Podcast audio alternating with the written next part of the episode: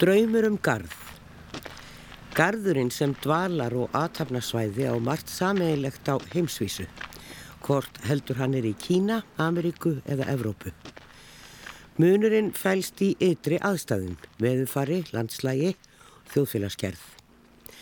Garðurinn eða manngerða ytra umhverfi getur verið myndbyrting lífstíls eða draums sem einstaklingur á sér eða tilenga sér, samfélag eða jafnvel þjóð. Talið er að rekja megi ræktuna menningu um 8-10.000 ár aftur í tíman.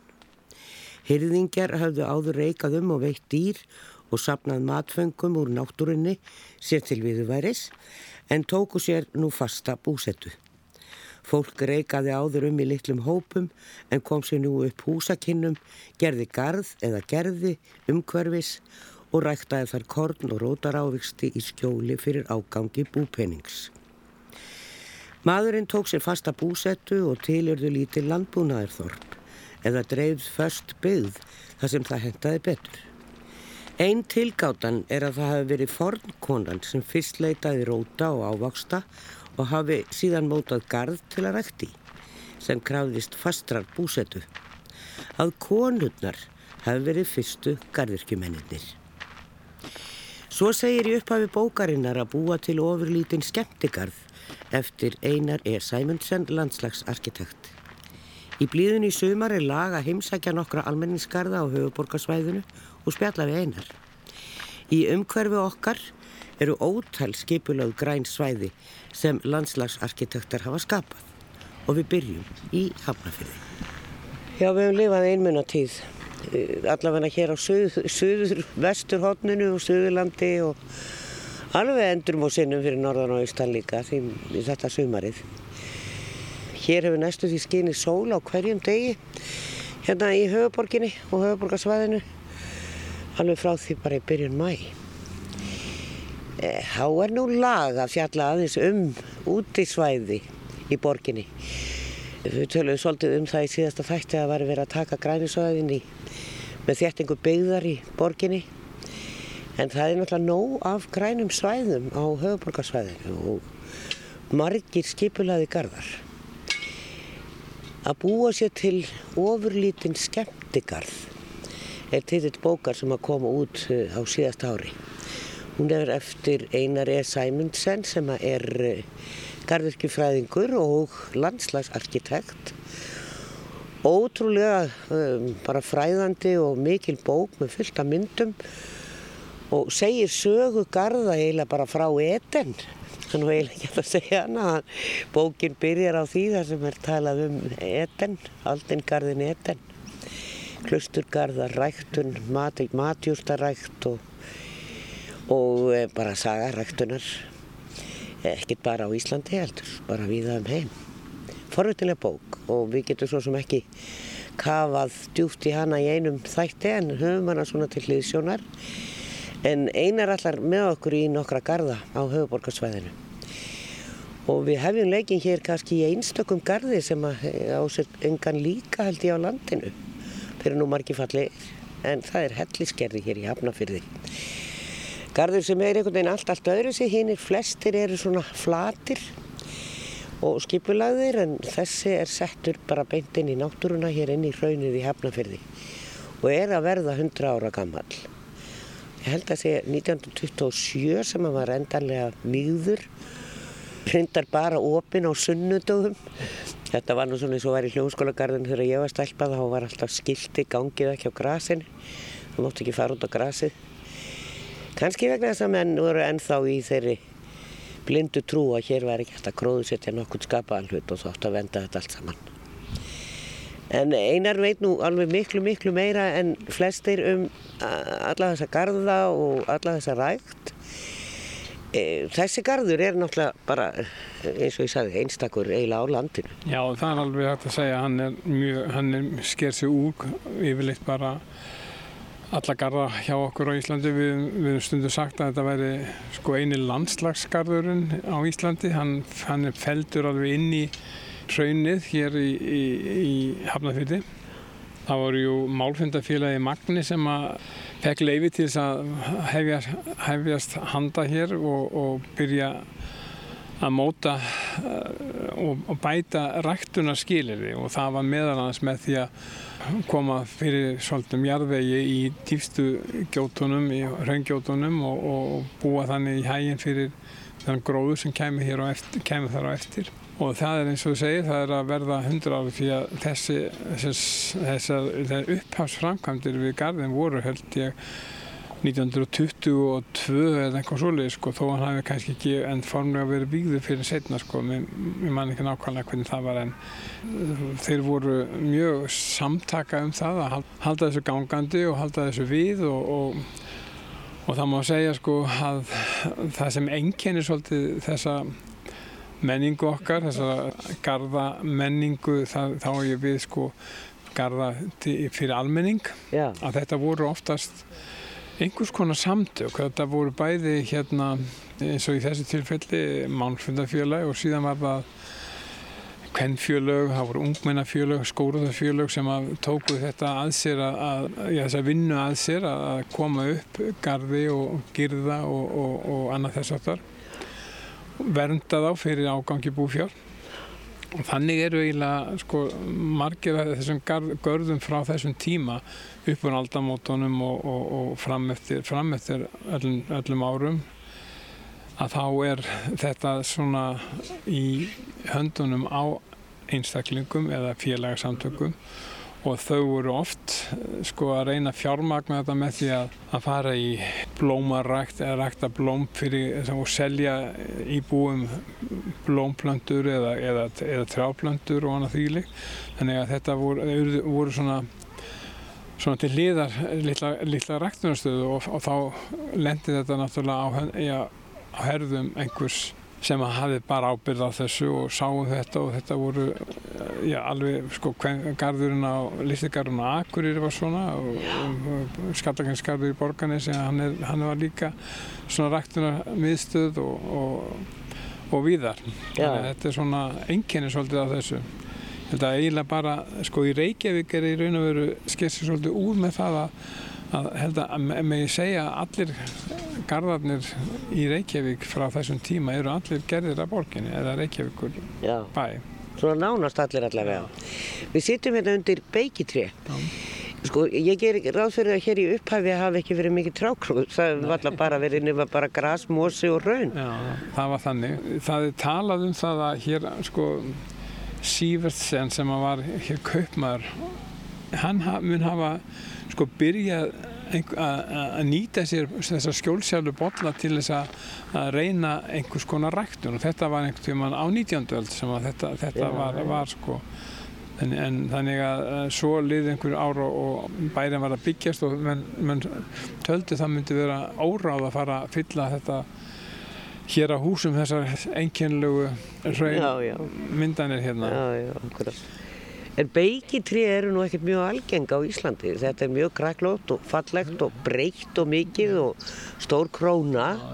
Þannig að það er hugulegt að setja undir þessu tré. Já, þetta er, þetta er, þetta er ábyggilega eitt með því starri beigitrjám og svona, svona kröftugt af því að hérna er jú mjög gott, góð skýriði úr rauninu og, og, og landslæginu kring að þá hefur hann getað eh, dafnað svona vel. Og það er líka hérna við löpum fram hjá áðan það er bæði kastanýja, hestakastanýja og, og, og gullrögn og, og þínur og sitt hvað fleira. Þó að lang algengast sé náttúrulega íslenska virkið og eitthvað er hér að reyni við líka.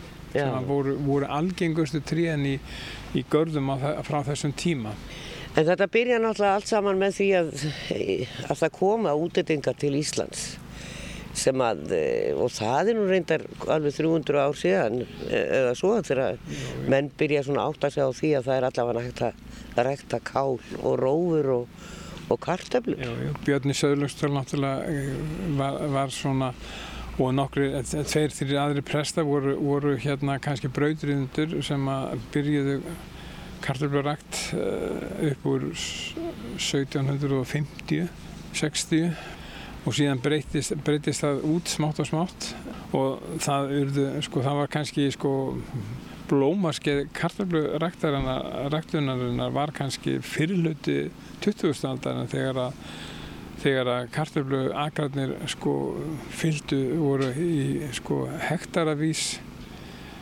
í Reykja, Reykjavík til dæmis bæði hérna Vassmýrinni og, og inn í Kringlumýri og það sem að kring, það sem kringlan er í dag þetta, Já, var, þetta voru sko fleiri fleiri hektarar af, af kartöflugörðum og allir höfðu þar sína, sína reyti og ég man ekki nákvæmlega þetta, er, þetta er nú tekið fram sko, hvað þetta voru hvað þetta var mikið magt sem að við vorum, vorum náttúrulega bara þá að rækta fyrir bara þjóðina, kartöflur Já. annars þurftum maður að flytja alla kartöflur inn. Síðan, síðan breytist það mjög snögglega þarna eftir, eftir 1960 þá eiginlega þverr þetta svolítið og, og fljótt og þá taka jú kartöflubændur við og, og hefja stórfælda kartöflurakt á Suðurlandi og Norðurlandi og Östur og Hopnafjörð þetta er svona ákveðin svæði á landinu sem að sjá Íslandi fyrir kartöflur?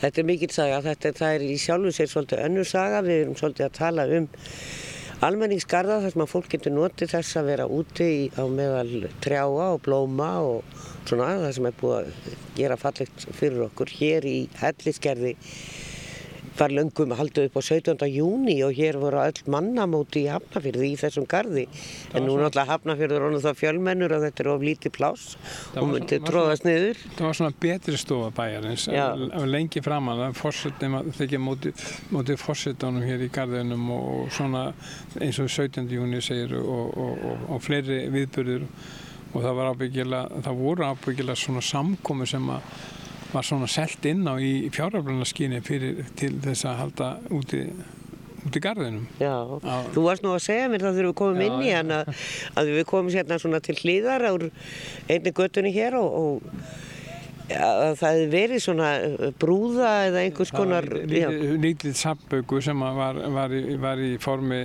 lítils negradreng sem að gleifti peninga fyrir ef maður setja hann í lóan á honum. já, það þætti nú ekki bara fint í dag Það var ekki alveg nei, ekki nei alveg pólitist rétt. Nei, nei, en krökkum hefur ábygglega þótt gaman að þessu og þau hafa komið peningar í lóan Mjög merkilegt sko. Já, já, já, auðvitað. En e, svona segja okkur aðeins frá þér, Einar. Þú ert, eh, lærir garðirkju fyrst og, og lærir eh, utanlands, ekki hérna á Íslandi og, og, og síðan ferðu í áframhaldi nám í landslagsarkitektur. Já. Hvað, hvað allir því að þú fóst bara fyrst út í garðirkjuna? Í- Sko, ég er- kemur fjölskyldu sem á langa sögu innan meðal annars í skórakt. Bæði fæði minn og afi minn voru skóaverðir og ég er svona ræktun, hefur svona, svona trjárakt og annað þýrlegt hefur verið, verið svona í blóðinu alltaf tíð. Já, En það síðan sko fór ég svona hefbunda, kannski hefbunda eða já hefbunda skólagöngu og var að útskrifast eh, 41, nei ég fætti 41 en það er 61 þegar ég útskrifast úr kennaraskólanum sem handamennukennari eða smíðakennari að þá hafði, hafði ég svona eiginlega orðið pata því að það væri hægt að, að gera svolítið meira í varðandi og, og móta pínlítið meira sko, umhverfið og aðlagað að, að þörfum fólks betur. Og, og það var, var búin að heyra af að íslensku landslags, landslags eða garðarkitekt sem var þá að koma til landsins frá Danmörku. Að ég fór að velta því fyrir mér að þetta getur nú verið svona einhver spennandi því að ég var svo sem hafði, hafði svona alveg sérstakann áhuga á, á, á þessum svona runnarækt og trjárækt og öðru slíku. Þannig að ég fór til Danmörkur í Garriksskóla fyrst og síðan áfram til Noregs í Garriksskóla þar.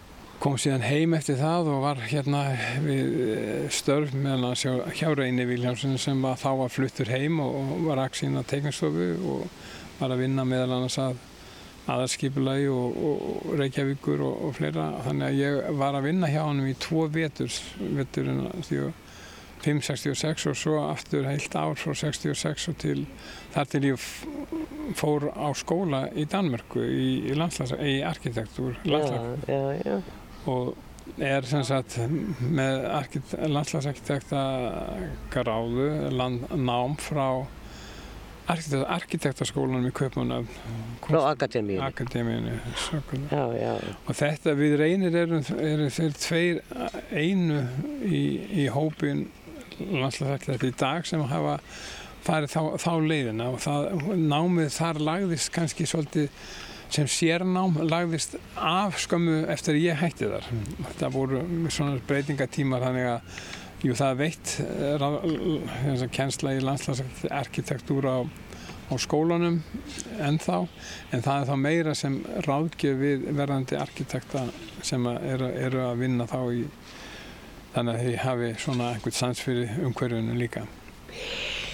Við ætlum að skoða fleiri staði, við ætlum að allavega að kíkja í Alþingisgarðin og fleiri staði sem við ætlum að, að skoða og pæla þessi og það eru náttúrulega einstaklingandir sem hafa aldrei sett sitt svip sinn á marga staði í borginni sem að skipta okkur máli.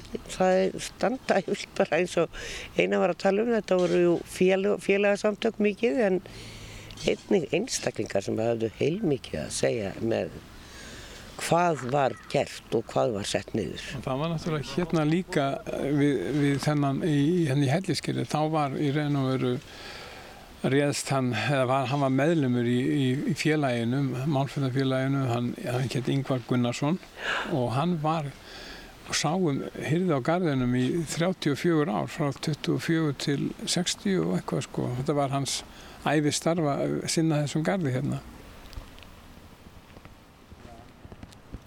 Það hefur verið einstaklingar og félagsamtök sem standað baki margra skipulegra garda á landinu og það er forðunlegt að lesa um þá marga og ekki síður að heimsækja þá í sömrinu og má það nefna skrúð í dýrafyrði, Simpsonsgarð í Tungudal á Ísafyrði og svo Múlakot í Fljótslíð sem var lengi gisti og greiðasölu staður.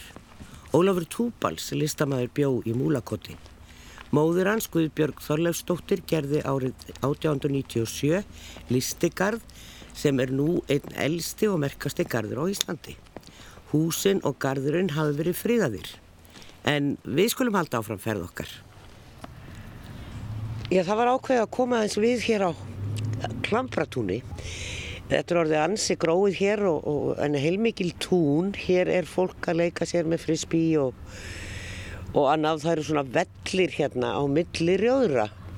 Hann er stór þessi garður og, og, og skemmtilegur að mörguleiti og hér fyrir innan er mikið rjóður og það er búið að setja leiktæki.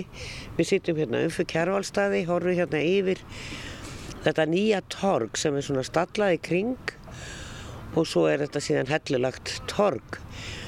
Það var svimir sagt bara Já, þetta er einhvern veginn út á víðafangi hvað á að gera við þetta. Þetta er hann að reyni Vilhjálfsinni og, og hans uh, teknistofu.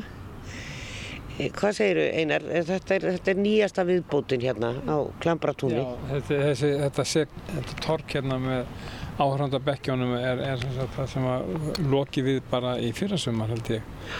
Sko Miklatún eða Klambratún er, er hérna eitt af þessum svæðum sem við getum sagt, það er ekki partur af þessum aldamótagörðum, þetta er þetta einn af þessum svona mótergörðum sem var hannaður í upp úr 1963-64 og það var Reyni Viljámsson sem hannaði hann þá nýkominn úr námi frá Kaupanöf og ég held ég sé ekki að segja mikið ránt en, en eitt af því sem var fyrsti kvatinn til þess að taka þetta svæð það var búið að gera ráð fyrir því er í skipulagi hlýðana að þessi reytur hérna í kringum Klambra yrði ráðstæður sem almenningsgarði menn, menn voru svona á þeirri skoðuna þeim tíma eh, áður en það breytist í það að, að tengja þetta kannski meira saman sem útíðustarsvæði þá taka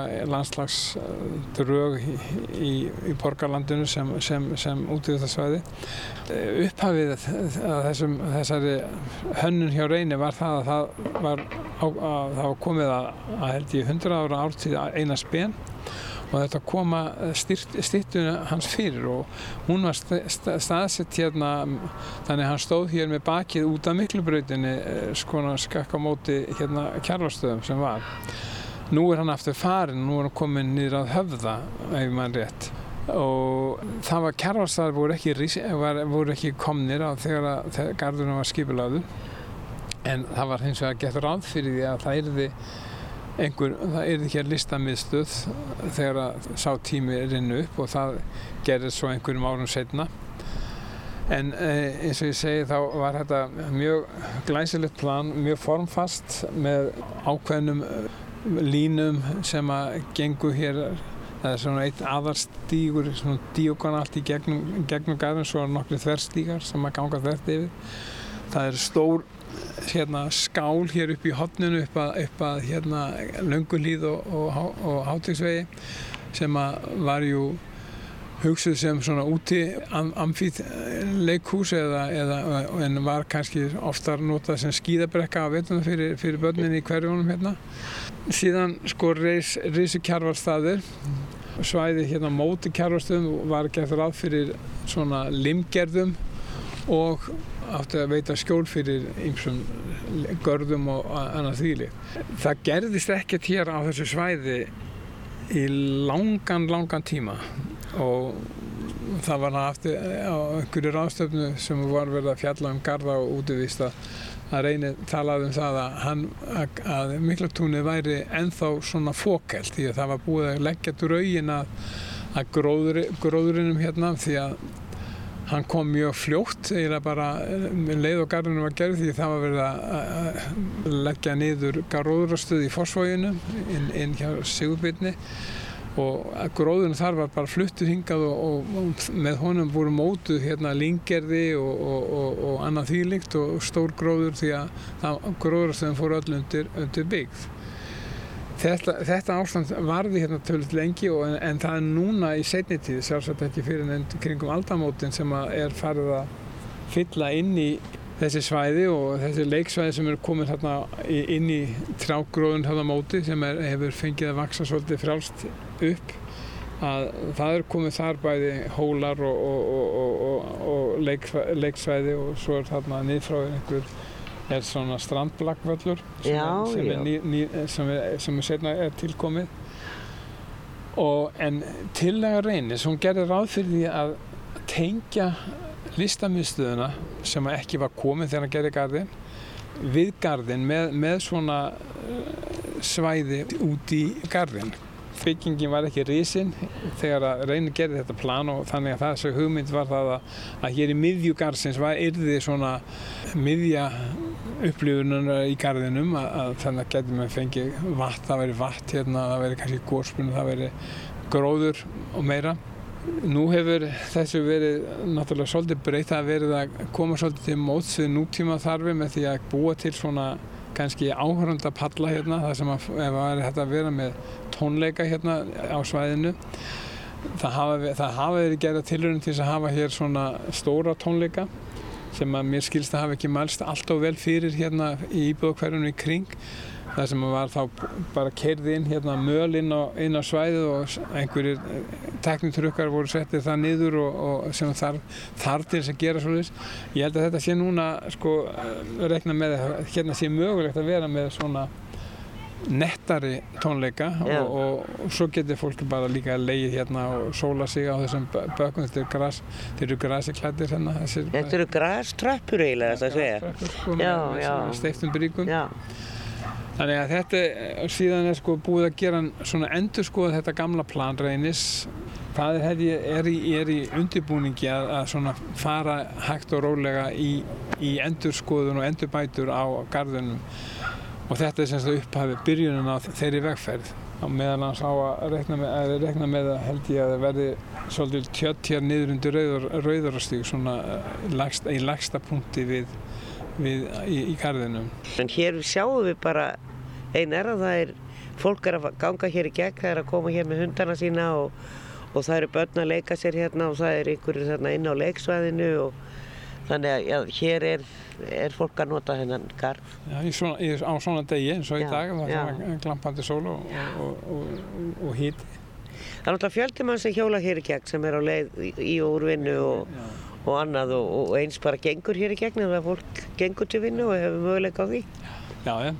Reyfið þessu fyrir mér sko að mitt þetta að þessi skipulag, þetta reynis skipulagi, þú getur nú séð það í bókinni sko að það er hérna, vorum hérna ekkert mann ferði með, með norræna kollega og þegar þeir horfðu hérna yfir, yfir þetta og skoðuðu plönin og þá, þá fannst þeim þetta að vera, vera mjög sko eins og við kalluðum svona Séti á Sörensen líkt sem var, var gamlega meistari reynis og, og var, er einn þekktasti og virtasti landslagsarkitekt sem, sem á Norrlundin hafa átt sko. Það var mjög, mjög merkilegur uh, frumkvöðl Séti á Sörensen á þeim tíma sko, fyrir, fyrir hluta 20. aldar. Já, hann, var, hætti, hann hætti sem professor á Akademíinu 63-64 því áður en ég byrjaði að vinna.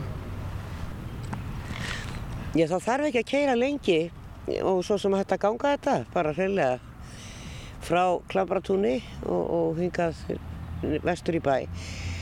Við erum konið hljónskólagarðin og þá væri í rauninni hægt að ganga frá Klambratúni og svo inn í Einarsgarð og þar niður með og hingað neyri í hljónskólagarðin hinnum með og það er bara örstuðt þar á milli. Og svo hérna, þá er maður komin inn í þennan stóra garð, hljónskólagarðin sem er kannski svona fyrsti stóri garðurinn í, í Reykjavík.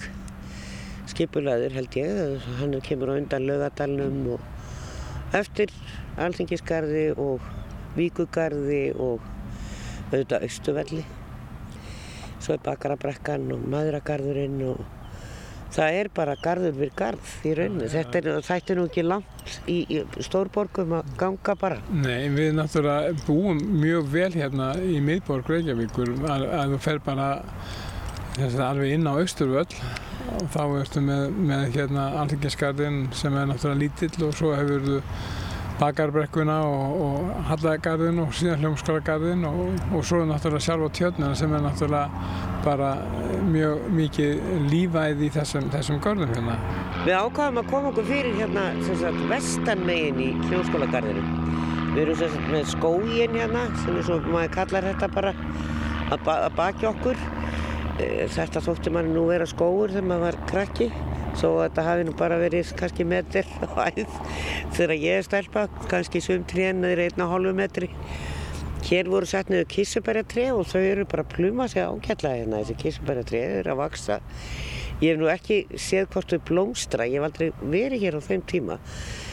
En svo er líka annað sem að, uh, það var Jón Gnarr sem að, uh, stóð fyrir því að þessi kísubæratré kæmi hér og svo Dagur B. Eggertsson held ég að við svo ákveði það að hér erðu, erðu skúltúrar og útilistaverk eftir konur og, og hér eru nokkuð verk eftir, eftir konur hérna í þessum hluta garsins þannig að við ætlum aðeins að tala um þróun því að svo hinum með við tjarnina það sem við horfum yfir það sem eru svona eldri stittur og, og Bertel Torvaldsen er, er semst komið þangað, hann var fyrst á Östuvelli og Jónas náttúrulega er þarna hinn megin og, og fleiri frægi kallar, konurnar eru hérna megin og svo er búið að setja vaðlaug þarna hinn megin í gardin fyrir krakka og þá sem að vilja kæla á sér tennar. Það er svona þróað hérna uh, svolítið, það er, það er ekkert alveg afskiptir, það er alltaf verið að hugsa um hvað getum við gert meira og, og, en að því við vorum að tala um Klambratúna þá var ansi lengi verið að koma honum og það er einhvern veginn enn verið að ákveða hvernig hann á að vera. Já, Já. það er eiginlega sagan með hann og kannski má ég líka segja það þessi svolítið sagan með, með hérna hljómskólagarðin að hann er svona, hann er svolítið í endal, endalösri mótun samanberð vaðlaugina frá því fyrra sem er dottinand inn og þessi, þessi kissibæragarður hérna og, og, og skultúrgarður. Það er til skipulaga garðinu frá því 1907 sem að eh, Knútur Símsen og Kjærbo sem var þá arkitekt sem var kom hinga til landsins var held ég að vinna við, meðan að setja kringluna í, við, við Alþingishúsið og þeir mótuðu hérna hugmynd að, að gardi sem að var sko þegar maður rínir í hann svolítið þá er þá kemur í ljós að, að þeir hafa nú haft svona áhyggjur á þeim berangri sem var hérna á þeim tíma því að bæði með frá sólegagötu og svo með frá bjarkagötu þá var, var búið að búa til svona lítil litla sólbolla eiginlega eh, all, að það er svona mjög myndirönd á þessu uppdrætti það eru svona litlir snúðar hérna báðum, báðum meginn með fram þá kemur í ljós að þetta eru svona sólbolla því að við munum það sem erum aðeins, aðeins yngri en eldri en tvæ vettur að, að hérna, það var nú mjög algengt hér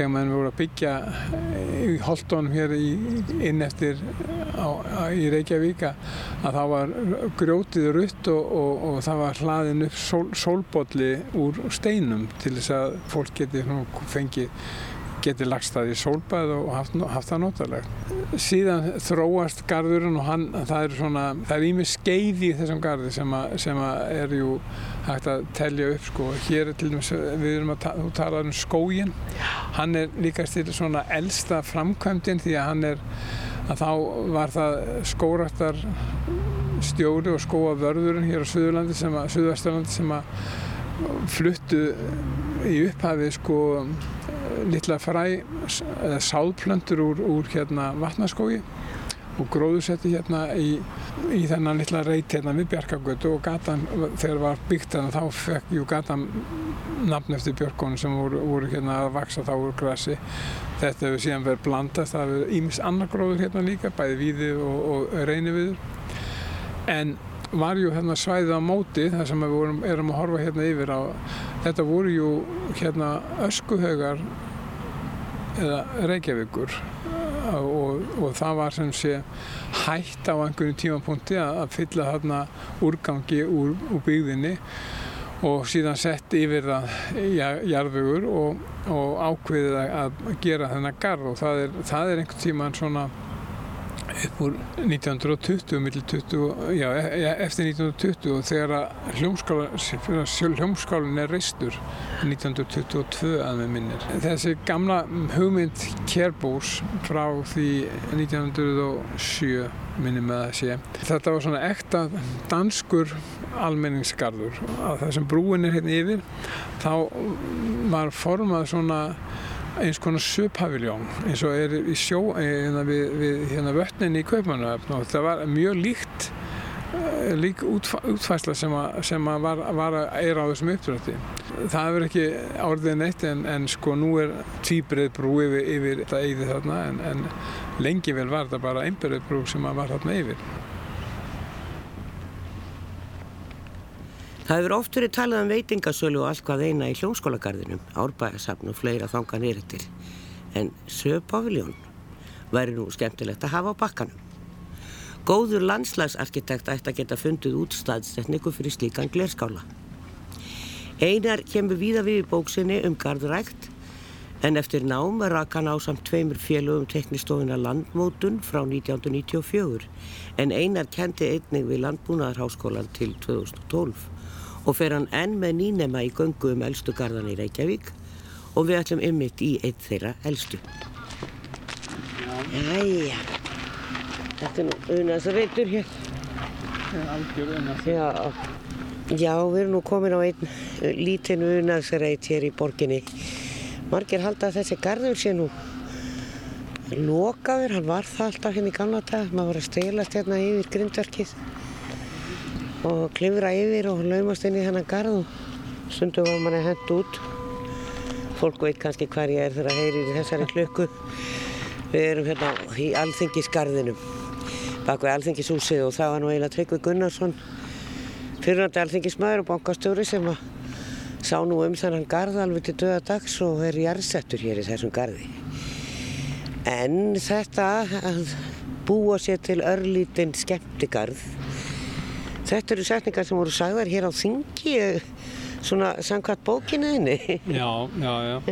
Þetta er sko, þetta er þegar að Altingishúsið stendur, það stendur framann á því að það er reist 1881 en á, á þingi þarna upp úr 1890, 92-3 og þá er samþygt að að setja, þá, þá, þá hefði verið í gangi sjóður sem að, sem að reyna að sapna til þess að fegra umhverfið. Og að hætti alþingis að þá var sett í þetta nefnd. Og formaða nefndarinnar var Hallgrimur Sveinsson sem var konungskjörinn þingmaður en hann var líka biskup.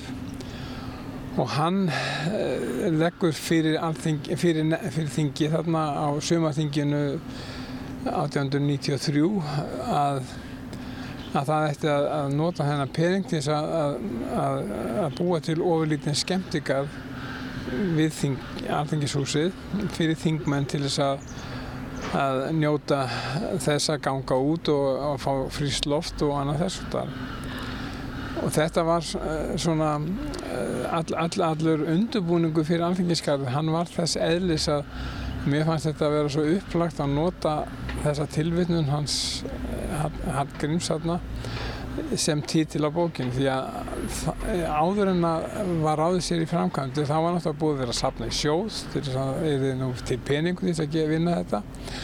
Og síðan var það ákveðið hvernig ætti að vinna þetta og það, það fór fram sko alþingi þennan dag þegar var verið að fjalla um þennan, þennan sjóð hvernig þetta er að þá breytist alþingi í, í rauninni sko í svona fund í garðikifélaginu því að á þingi sáttu þá sko nokkuð sildir menn og, og, og vel að sér í, í ræktunumálum og það upphófust sko mjög uppbyggilegar og, og málefnulegar umræður í, í þinginu. Hvernig skildi nú farið af og hvernig ætti að standa að því að, að gera gardinn og það voru bæði menn sem höfðu eins og Árnit Horstensson sem var í fóketi hann, hann var svona búin að hafði, var mikið reynslu, reynslu banki með því að eftir að hafa gert gardin sem við aðarstræti 14 sem síðan var Hressógarðurinn og, og fleiri og fleiri sem að, sem að sko jössu af sinni reynslu bæði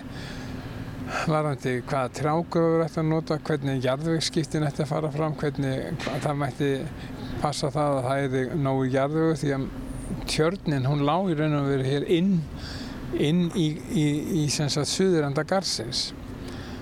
En þetta var engin almennísgarður fyrir bara löngu síðar því að Já. eins og ég sagði upp að það finnst ég til ennþá fólk sem heldur að þessi garður sé alltaf lokaður. Já. Það er náttúrulega löngu búið að opna en það er samt bara þegar ég er ung kona um 20 þá, þá var lokað hérna. Já, já. Hann var lokaður, ég manna ekki nákvæmlega hvað, hvað lengi hann var lokaður en, en hann var opinn á sunnudögun og þá mátti fólk koma hérna og, og setjast niður og Tryggvi Gunnarsson hann, var, hann réði sko sér sko aðstofarkonur hérna til þess að hýrða gardin eftir að hann tók við umhyrðu gardsins og það voru hér stúlkur sem að voru að reyta arfa og snirta og, og, og gera, gera fínt til þess að væri nú hægt að bjóða fólki hérna á sunnundöfum en ég hef svona oft leitað því líkum að sko það var ekki sjálfgefið að, að, að Tryggvi fengi leg hérna í gardinum, hann, hann það var sótt um það alveg til, ég held að það veri fallið konungsins í Dan, Danmörku til þess að fá leifi til þess.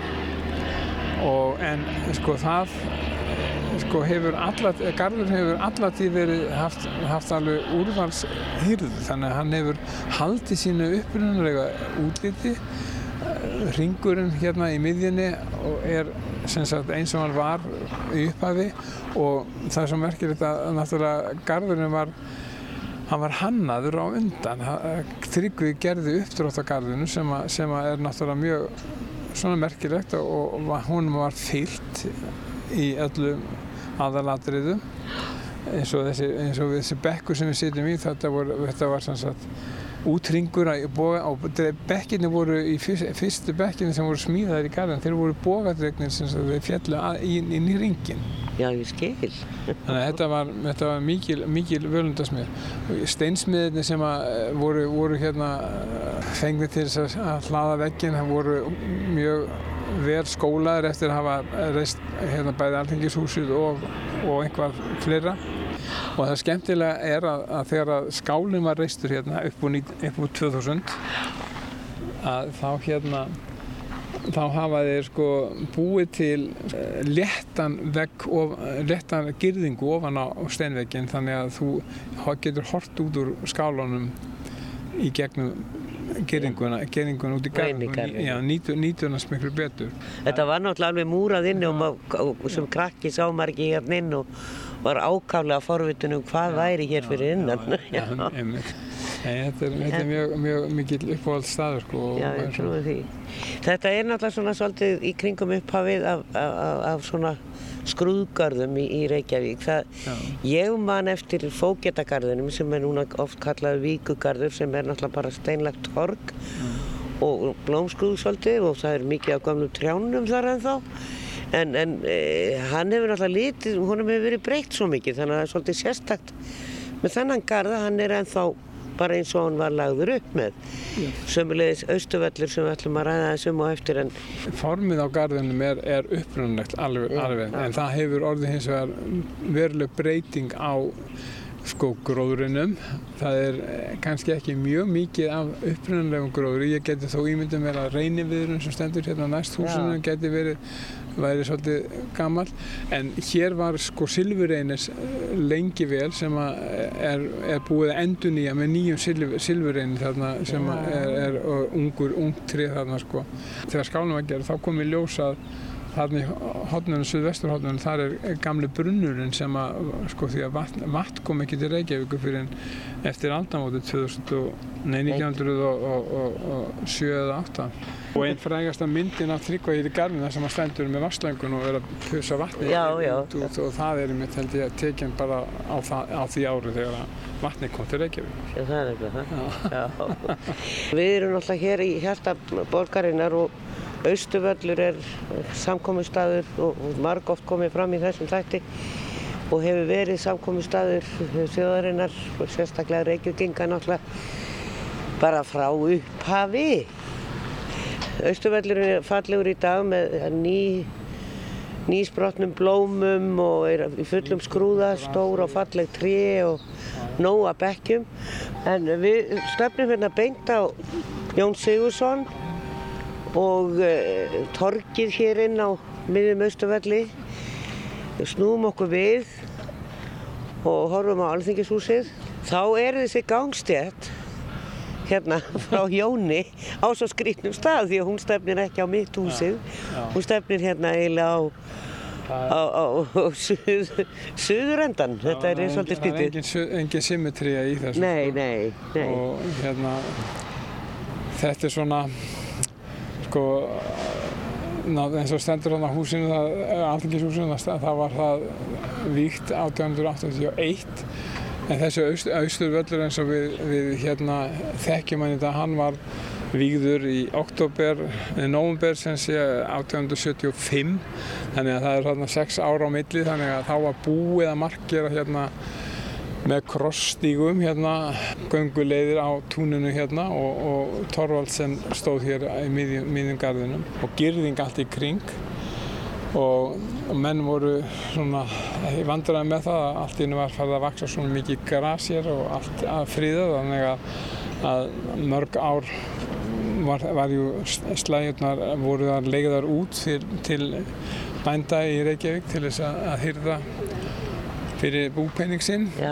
Og, og síðan sko, hefur, hefur, hefur Östuvöllur eftir þetta hefur hann verið náttúrulega notar hér voru söðunöyt sem kom frá Grænlandi þá var, það var, það var búið til hérna svell snemma var það að nota hérna bara sprauta hér út vatni og frista hérna svell Skautasvæll. Já, já, það er, ég hugsa að væri margir sem væri til í það enn þann dag í dag. Já, já. samanberð skautasvelli og núna Og Ingólfstorgi, já, já, sko. já. Nei, Þetta er svona, en þetta er náttúrulega er elsti, þetta er elsta útivistarsvæði eða almenningsgarður við kalla það útivistarsvæði í Reykjavík frá, sem er formlega gert 1875 maður segja að alþingisgarður hann sé meira hann er meira garður, hann er svona afmarka, afmarka með trjágróðri og slíku. Skipulega hérna Austuvalda hefur, var, var ofta breytast, var, því var oft breytt, skulum við segja, fram til 61 þegar að þetta skipulag var loksins fest og hefur ekki verið, því að það hefur lítið breyst sko Síðan. síðan sko. Trálundurinn hérna með eldrinu hérna við hliðina kom þá og, og sírinu beigði þarna á móti. Þannig að þetta eru, þetta er svona, eru, eru frá þeim tíma 1960 þá var Hafliði Jónsson garðingastjóri sem að og Albert Jónsson sem var starfandi við kjögar sem eru að byrja ábyrða þessu skipulagi. Já. Það er svona lítið, það hefur náttúrulega verið breytt um hellur á, á mismöðandi tímu eins og, eins og gerð það gengur.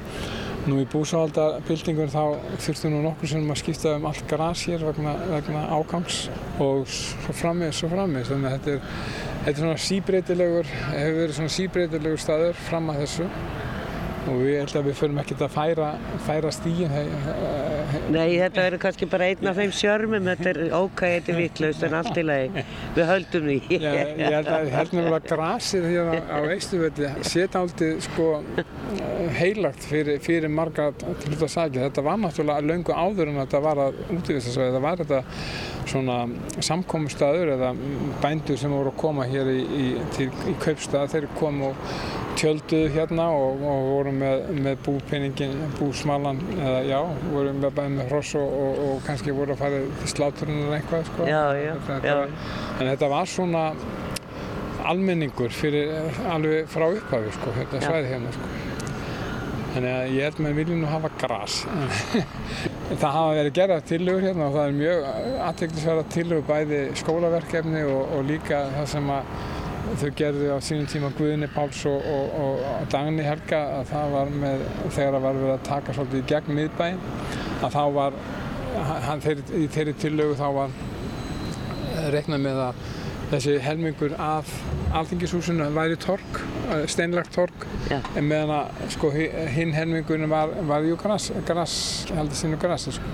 En á þeim tíma náðist þó að sleppa bílónum hér í kringum Östuvölds, bílastæðin fóru, bannað að aka og veitingarnir, staðirnir opnuðu hérna út. Komu, komu, komu, já. Já. það var svona upphafið að þeirri, þeirri nútíma væðingu Reykjavíkur og koma, koma, koma veitingahúsunum og já, við fórum að sækja veitingahús og kaffehús og annað svona. Og sáum að það væri meira sér hægt að setja úti á Íslandi. Já, meira sér það. Við vorum loksins búin að komast á því að það var hægt að gróðu setja tré, Já. tók sinn tíma og síðan komast á því að það er alveg hægt að setja úti. Já.